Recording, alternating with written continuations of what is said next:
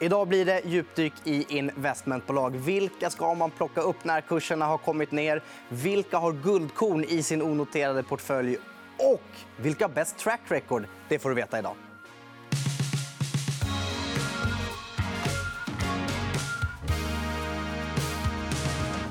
Och med mig för att reda ut detta har jag Joakim Gunell, investmentbolagsguru på DNB.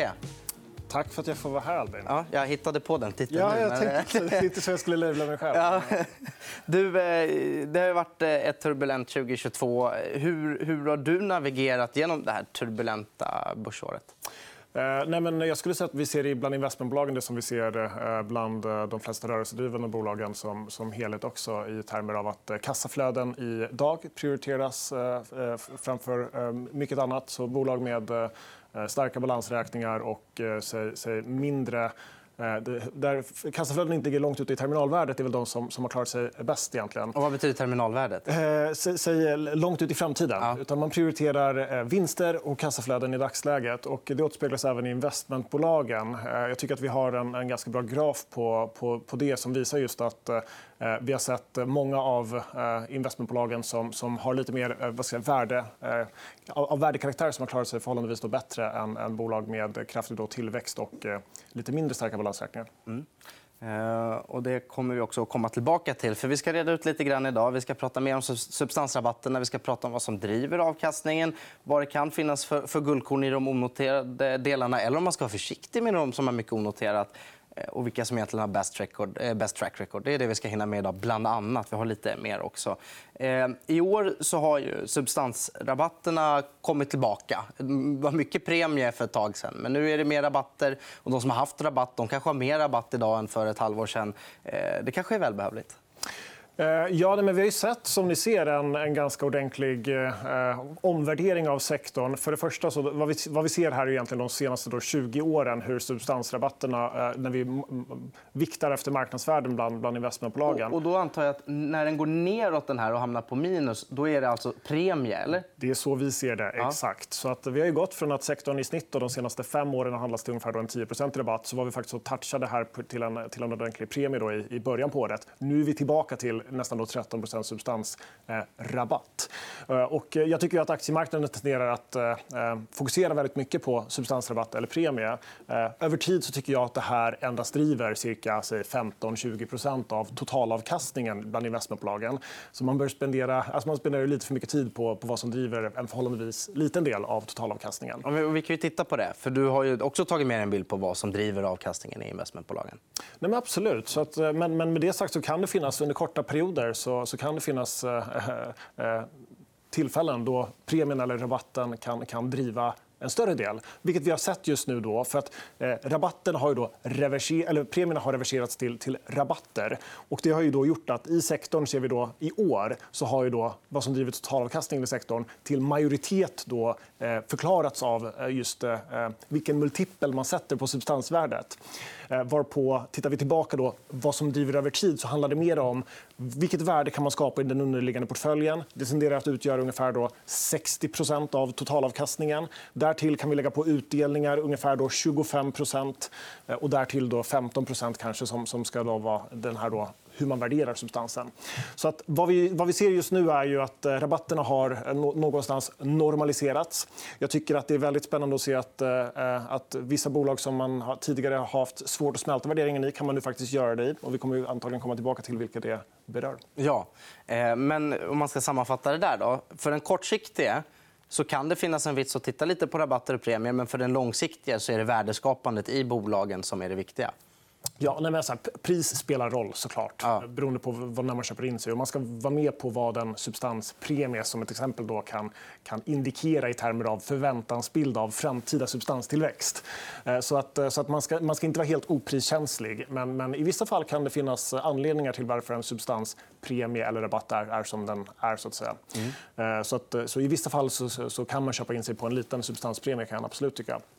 Och, eh, det som man dock ska ta med sig här då är att den här omvärderingen av sektorn som helhet skulle jag skulle säga att den drivs väl av ja, primärt av två saker. Eh, eh, jag skulle säga att eh, investmentbolag som, som kluster tenderar att gå bättre än börsen i eh, uppåtgående eh, aktiemarknader eh, till följd av att eh, free floaten i de här investmentbolagen är inte alltför sällan lite lägre. Vi har en, ofta en, en, dominerande ägarfamilj som kontrollerar den större delen av aktierna som, som finns. Därtill så, så har vi då att en del av investmentbolagen har ju faktiskt historiskt i alla fall jobbat med skuldsättning i, i, i holdingbolagen vilket gör att man får den här hävstångseffekten om något i uppåtgående marknader. De här drivkrafterna påverkar ju även de här investmentbolagen på nedsidan. egentligen. Och det är mycket av det som jag skulle säga har drivit den här omvärderingen vi har sett nu på kort sikt. Mm. Och jag ska bara kort... Free float det är alltså hur många av aktierna som är vad ska man säga, fria att handla i. För vissa kan då bli låsta, inte, vad ska man säga, inte enligt någon regel. Men när en ägarfamilj äger som ägt i 100 år, ja, det är svårt för någon att köpa dem eftersom att de inte vill sälja dem. Ja, men exakt. Mm. Eh, okay, så att det blir lite hävstång på både upp och nedsidan i, i investmentbolagen. helt enkelt. Absolut, men, ja. men överlag så har ju de här, de är väldigt, alltså, som kluster väldigt välkapitaliserade. De har starka balansräkningar. De har jobbat ner nettoskuldsättningen i, i, i mångt och mycket. Många har till och med nettokassa. Så de effekterna kanske inte ska vara lika stora nu som de har varit av historiska skäl. Mm. Men den här flödeseffekten som, som vi pratade om då i termer av finns det en större efterfrågan på, på Eh, ja, de, de få aktierna som kanske då finns tillgängliga. Den, delen har, eller den drivkraften har ju varit väldigt framträdande, framträdande, framförallt de senaste åren. Vi har någon bild här som, som bara kan illustrera hur, hur en väldigt populär då investmentbolagsfond i Sverige, då, Spiltan investmentbolagsfond, hur, hur stor andel av, av då de eh, tillgängliga säg, aktierna då, som, som, som de äger. Och vi har ju sett att eh, det har funnits en ganska tydlig då korrelation historiskt sett när, eh, där liksom, eh, när de har ökat sitt ägande och hur det har påverkat värderingen av, av kanske sektorn som helhet. Nu äger Spiltan investmentbolagsfond med ja, om det är 26, 27, 28 miljarder i förvaltat kapital, ungefär 4% av free floaten i sektorn. Så jag skulle säga att de, de har, det är väl en av... Vi ser ju andra, liksom så här, eh, andra passiva eh, fonder som också har liksom, eh, sett investmentbolagen som en bra Eh, som en bra placering. Och I takt med det så har vi sett att det har påverkat hur man värderar de här, aktier, eller, ja, de här aktierna som helhet. Och det här pratade vi om eh, senast, tyvärr, tror jag. Att, eh, när folk stoppar pengar i de här investmentbolagsfonderna då måste investmentbolagsfonderna köpa aktier i investmentbolag. Och eftersom att det inte är så mycket free float i investmentbolagen ja, då brukar kurserna handlas upp och då ser folk aha, men den här fonden jag stoppade i pengar i igår den går redan upp. Jag köper lite mer och sen blir det som ett självspelande piano nästan. Ja, men exakt. Och det här är precis, alltså, eh, nu ska vi inte kanske liksom nämna en fond som, som enkom driver det här. utan Det finns andra eh, utländska aktörer som, som vi ser eh, liknande dynamik i. Men, men, men som helhet så har du helt rätt. Och, och vad som fungerar bra på uppsidan har ju på samma sätt eh, utmaningen att det kan, det kan ha en, en negativ effekt på nedsidan. Mm. När snöbollen vänder så blir det samma sak neråt. Så att säga. Eh, okay. eh, något vi också behöver titta på det är substansrabatterna i de olika bolagen tycker jag, för att bli lite mer bolagsspecifik och, och få en eh, bra bild av eh, de olika investmentbolagen vi har på, på Stockholmsbörsen. Ehm, ja, eh, här har vi både vilka som har rejäla premier och rabatter. Är det, är det överlag är det ganska befogade värderingar? eller vad, vad ser du när du tittar på den här? Eh, nej, men så, som helhet så, så, är det ju liksom en, eh, en, en eh, ja, 13-15 i substansrabatt. Då, eh, som, om vi tar flat snitt då, mot rapporterad substans. Och, så här, som kluster så måste man nog titta på, man måste titta på de här på, en, på individuell basis. Jag tycker att det finns olika egenskapsdrag med varje bolag som, som talar för hur man ska värdera då den här substansen. Vilken multipel man sätter på det. Man sätter en typ av multipel på ett Atlas Copco, man sätter en typ av multipel på ett SSAB. så att säga. Och lite på samma sätt måste man titta på, på, på de här typen av bolag. Eh, att, att vi ser att eh, de, de mest eh, i, ögonfallande substanspremierna har, har kommit ner tycker jag känns som ett sundhetstecken.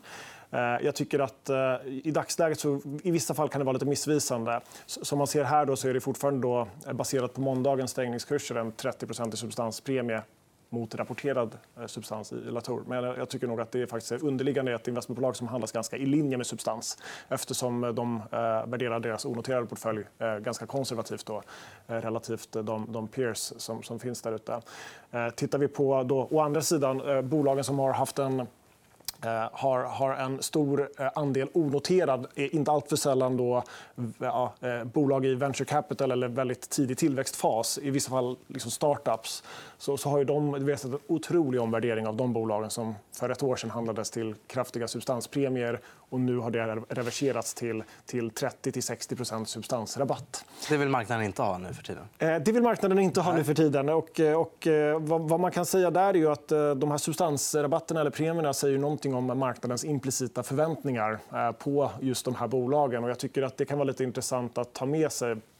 För vad marknaden implicit nu prisar in är ju på, en, på nästa bild egentligen ganska intressant. tycker jag. Om man då tar eh, just eh, Kinnevik, eh, VEF och VNV som någon form av som, som kluster som, som har just de här onoterade tillväxtbolag så förväntar sig marknaden att man ska skriva ner deras substansvärde med ja, från då 50 till 70% från dagens nivåer. Om, om, det är, eh, om, om det är rätt... Vi har ju sett eh, många eh, noterade peers gå den vägen till mötes. Vi såg hur, hur, Tiger Global, som är en av de då mest framträdande venture capital-investerarna har, har, har tappat eh, knappt 50 av, av, av sin, eh, sitt förvaltade kapital här. Eh, och, alltså år, ja, year to date. Då. Och, vad man ska ta med sig just gällande de här är att det kommer nog krävas en, en hel del eh, nedskrivningar kortsiktigt. Men jag tycker att marknaden redan tar höjd för det mesta i många av de här bolagen. Till exempel då, om vi tittar på, eh, på nästa bild, just bara hur kan vi titta på de här investmentbolagen? Vad har de skapat för värde i deras onoterade portföljer i förhållande till vad man nu prisar in? Så, så, så vill jag ju då ta med sig att den här då IRR, eller eller avkastning på investerat kapital så har vi då tagit några av de bolagen som har onoterade portföljer. Dels då, vad har man gjort historiskt och, och vad prisar marknaden just nu in då kommande fyra år. Eh, I vissa fall tycker jag att det känns som att man prisar in ett lite för mycket av ett worst case scenario.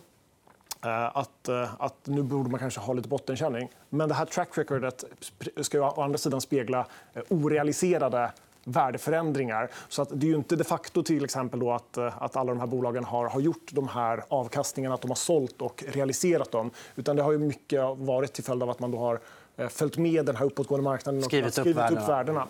Så att, eh, du har helt rätt. Men i Creades fall tycker jag att de har varit väldigt eh, duktiga på att faktiskt också realisera stora delar av de här värdena. Och det ser vi ju också då att aktiemarknaden har ju inte skickat ner Creades på det sättet lika mycket. Utan Creades har ju då, det här är ju, jag tycker det är bara intressant att ta med sig. Skulle, nu, nu kanske jag är lite hård och tar medianen på deras av, avkastning i deras onoterade portfölj på investerat kapital på knappt 30% Om vi tar flat average så är det snarare upp mot nästan 100 Eh, så att de har varit väldigt eh, duktiga i att skapa värde i deras onoterade portfölj. Och därför tycker jag att, eh, och har faktiskt realiserat stora delar av de vinsterna. Av den anledningen tycker jag att Creades är till exempel ett sånt bolag som, som jag tycker bra kan ha en, en liten substanspremie uthålligt. Mm. Så Creades har varit bäst på att plocka hem pengarna i, i sin onoterade portfölj. Alltså att sälja och få hem pengar och ska belönas för det värderingsmässigt. Yes, absolut. Det, det kan jag definitivt tycka. Mm. Eh, vi eh, rör oss eh, vidare och tar och tittar lite på track record. För Det tycker jag också är intressant. Vilka har, har presterat bäst historiskt? Och det här är alltså från 2005 till 2022. För Man vill ju ofta vara i det bästa laget. Jag tycker det är Hammarby, men det kan ju vara annat när det gäller investmentbolag. Ja, här ser vi att Svolder har presterat bäst de senaste vad blir det, 17 åren. Ja, men det stämmer. Eh, så att vad vi tittar på här är ju eh, årlig, eh, årlig substanstillväxt egentligen och har annualiserat det. Och, och det här är det som vi tycker då, återigen driver 80-85 av, av totalavkastningen i sektorn. Så här spenderar vi mest tid på hur kan de här bolagen framöver då växa. Det här är ju historiken och det ska inte nödvändigtvis vara, vara representativt för vad man kan förvänta sig framgent. Då. Men, men, men de bolagen som har eh, genererat den bästa totalavkastningen i, i substansen över tid om vi även då tar tillbaka utdelningar och återköp och liknande. Det är de bolagen som, som, som ofta då, eh, ska, som, som jag tycker kan förtjäna som, som investerare en, en, en liten premie för att, för att ta rygg på. Eh, investmentbolagen som kluster skulle jag dock säga att de har ju eh, allt som oftast eh, eh nätverket för att, för att säkerställa att deras underliggande portföljbolag har det bästa säg management eller styrelsen Eh, och, ett ganska långsiktigt industriellt perspektiv för att eh, säkerställa eh, egentligen att avkastningen över, tid ska ha ganska goda förutsättningar att slå ett benchmarkindex. Kan jag tycka. Så att, så att jag, tycker som, som, som kluster kan investmentbolag bra funka bra även framöver. Men man ska nog inte förvänta sig att den här totalavkastningen som då var där nästan hela sektorn bortsett från, från industrivärlden över de senaste ja, eh, 17 åren då, har, har, har, varit bättre än börsen. Det kanske inte kommer att vara så framgent eh, med lika stor, i lika stor utsträckning. Men, men någon eh, överavkastning kan man nog få av de här bolagen som kluster. Tycker jag. Ja, för det, jag vågar, de flesta har presterat bättre än börsen. Så om man tycker att man känner att man ja, inte orkar sitta och, och, pilla för mycket med aktier och en portfölj eller liknande så känns det som att investmentbolag har varit som ja, som en indexportfölj, fast lite bättre. Och inte jättedyr heller. Nej, men du har helt rätt. Du har ju liksom en, en, en ägarmodell som jag beskrev här som, som, som jag tror väldigt mycket på. Som bevisligen har skapat överavkastning över tid. Eh, och, och förvaltningsmodellen tenderar ofta att vara, vara, vara billigare än, än, än de, de flesta eh, eh, aktivt förvaltade fonderna där ute. Eh, och, och som, som, som lite cherry on top eh, avslutningsvis då, så är det ju viktigt att ta med sig att investmentbolagen som, som helhet behöver inte hålla på att parera hantera de här in och utflödena utan, utan kan således vinna ganska mycket mark på, på det eh, och vara lite mer eh, opportunistiska eh, i dagens, mer, när värderingarna har kommit ner. Mm. Ehm, Okej. Okay. när du pratar om det här med nätverket då antar jag att det bland annat är en fördel att om du har om du är ett investmentbolag, du har 7, 8, 9, 10 dotterbolag, innehav du märker att ett underpresterar då har du, och du kanske har en superduktig vd som varit inne på nåt som har presterat länge. Då kan du flytta honom eller henne till det här som är problem till exempel för att städa upp. Eller? Ja, nej, men, eh, som ett exempel, ja. ja. Eh, eh, jag tycker att man ser det ganska tydligt till exempel i ett Investor och hela, hela då egentligen hur Wallenbergsfären så att säga, med, med även då EQT har, har, har ganska Eh, det har varit en ganska tydlig eh, grogrund för, för, eh, för, för dem att tillsätta de, de mest kompetenta ledningsgrupperna. Mm. Och det är bra. Det vill man ju ha. Eh, vi ska också titta på värde mot tillväxt. för Det är ju någonting som är lite kul att titta på. för Det har ju verkligen reverserat sista halvåret året där värde har gjort rejäl comeback mot tillväxt. Eller så är det bara tillväxt som har gått riktigt dåligt. Eh, och, eh, det här är väl en rätt talande bild att börja med. Arc Innovation, som var... Det, hur ska man beskriva det? Som ett techfond, tech-investmentbolagsfond i i USA mot Warren Buffetts Berkshire Hathaway. Så du har ju egentligen konceptaktien i USA för, för tillväxt, eh, hög risk eh, och, eh, och sen så har du då egentligen värde konceptualiserat då i Berkshire Hathaway. Och vad vi ser här är ju liksom hur man egentligen då har Ja, om vi går till innan pandemin och jämför med vart vi står nu så, så har ju faktiskt eh, Eh, värde helt kommit ikapp den där eh, otroliga liksom, avkastningen som, som tillväxtaktier eh, egentligen då har haft under pandemin. Och, eh, av den anledningen tycker jag det är liksom så här, mer som så signifikativt att, eh, att eh, ibland kan det vara bra att, eh, att eh, egentligen minska risken i portföljen. Det gäller även investmentbolagen. Vi har en liknande bild här på, som, som kanske då speglar hur det ser ut i Sverige på ett lite annorlunda sätt över samma tidsperiod. Så har vi faktiskt sett, sett Kinnevik som, som om något då, lite konceptaktien på, på tillväxt Eh, mot, mot Investor har, har även då stängt det eh, avkastningsgapet nu eh, sedan innan pandemin. Eh, och eh, med det sagt så tycker jag att, att, att Kinnevik är definitivt en aktie som, som, som kan vara intressant på, på vissa nivåer.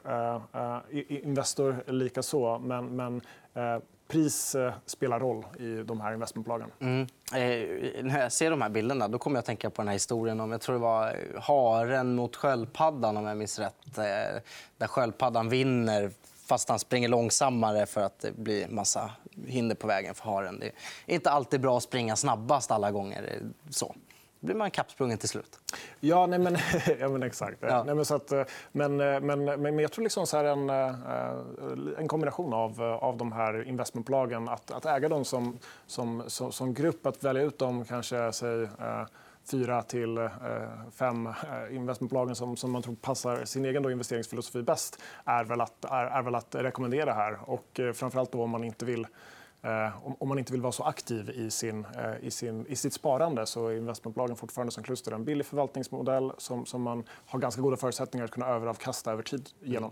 Och jag tycker ju där att eh, Investor förblir det liksom så ideala portföljankaret. I dagens aktiemarknad som är väldigt fokuserad på kassaflöden så har du inte bara en väldigt, ett bolag som, som... Du får ju många av Stockholmsbörsens ja, eh, fina bolag som vi har i OMXS30. Eh, men, men sen har du framförallt en onoterad portfölj och, eh, och deras investeringar i EQT egentligen som, som adderar någon form av då unikitet. Och de här kassaflödena de har i sitt onoterade portfölj tycker jag bör funka väldigt bra i nuvarande marknadsklimat. Och du värderar hela den då, liksom, Eh, den, eh, det investmentbolaget värderar man ju då till en ganska, nästan då 20 i eh, substansrabatt just nu. Så det är ganska mycket eh, värde på värde tycker jag i olika lager i Investor just nu. Varför den skulle kunna fungera som någon form av flight to quality i, i, i dagens marknad. Varpå jag tycker även att, att, när man kan ta rygg på såväl då Bure som Creades på de här värderingarna så tycker jag att de, de kan vara ganska intressanta att titta på. Vi har ingen officiell bevakning där vill jag dock vara, vara tydlig med. Mm. Perfekt. Men alltså ett, en liten guldkorn att titta närmare på Investor. Absolut. Mm, kul. Tack så mycket för att du kom hit, Joakim Gunell. Tack så mycket för att jag vara med. Och det var hela dagens investmentbolags special. Men vi är tillbaka med nya avsnitt inom mycket kort. Om du har tittat via Youtube, tryck gärna på tumme upp och prenumerera. Ta hand om er och ha det fint. Hej då.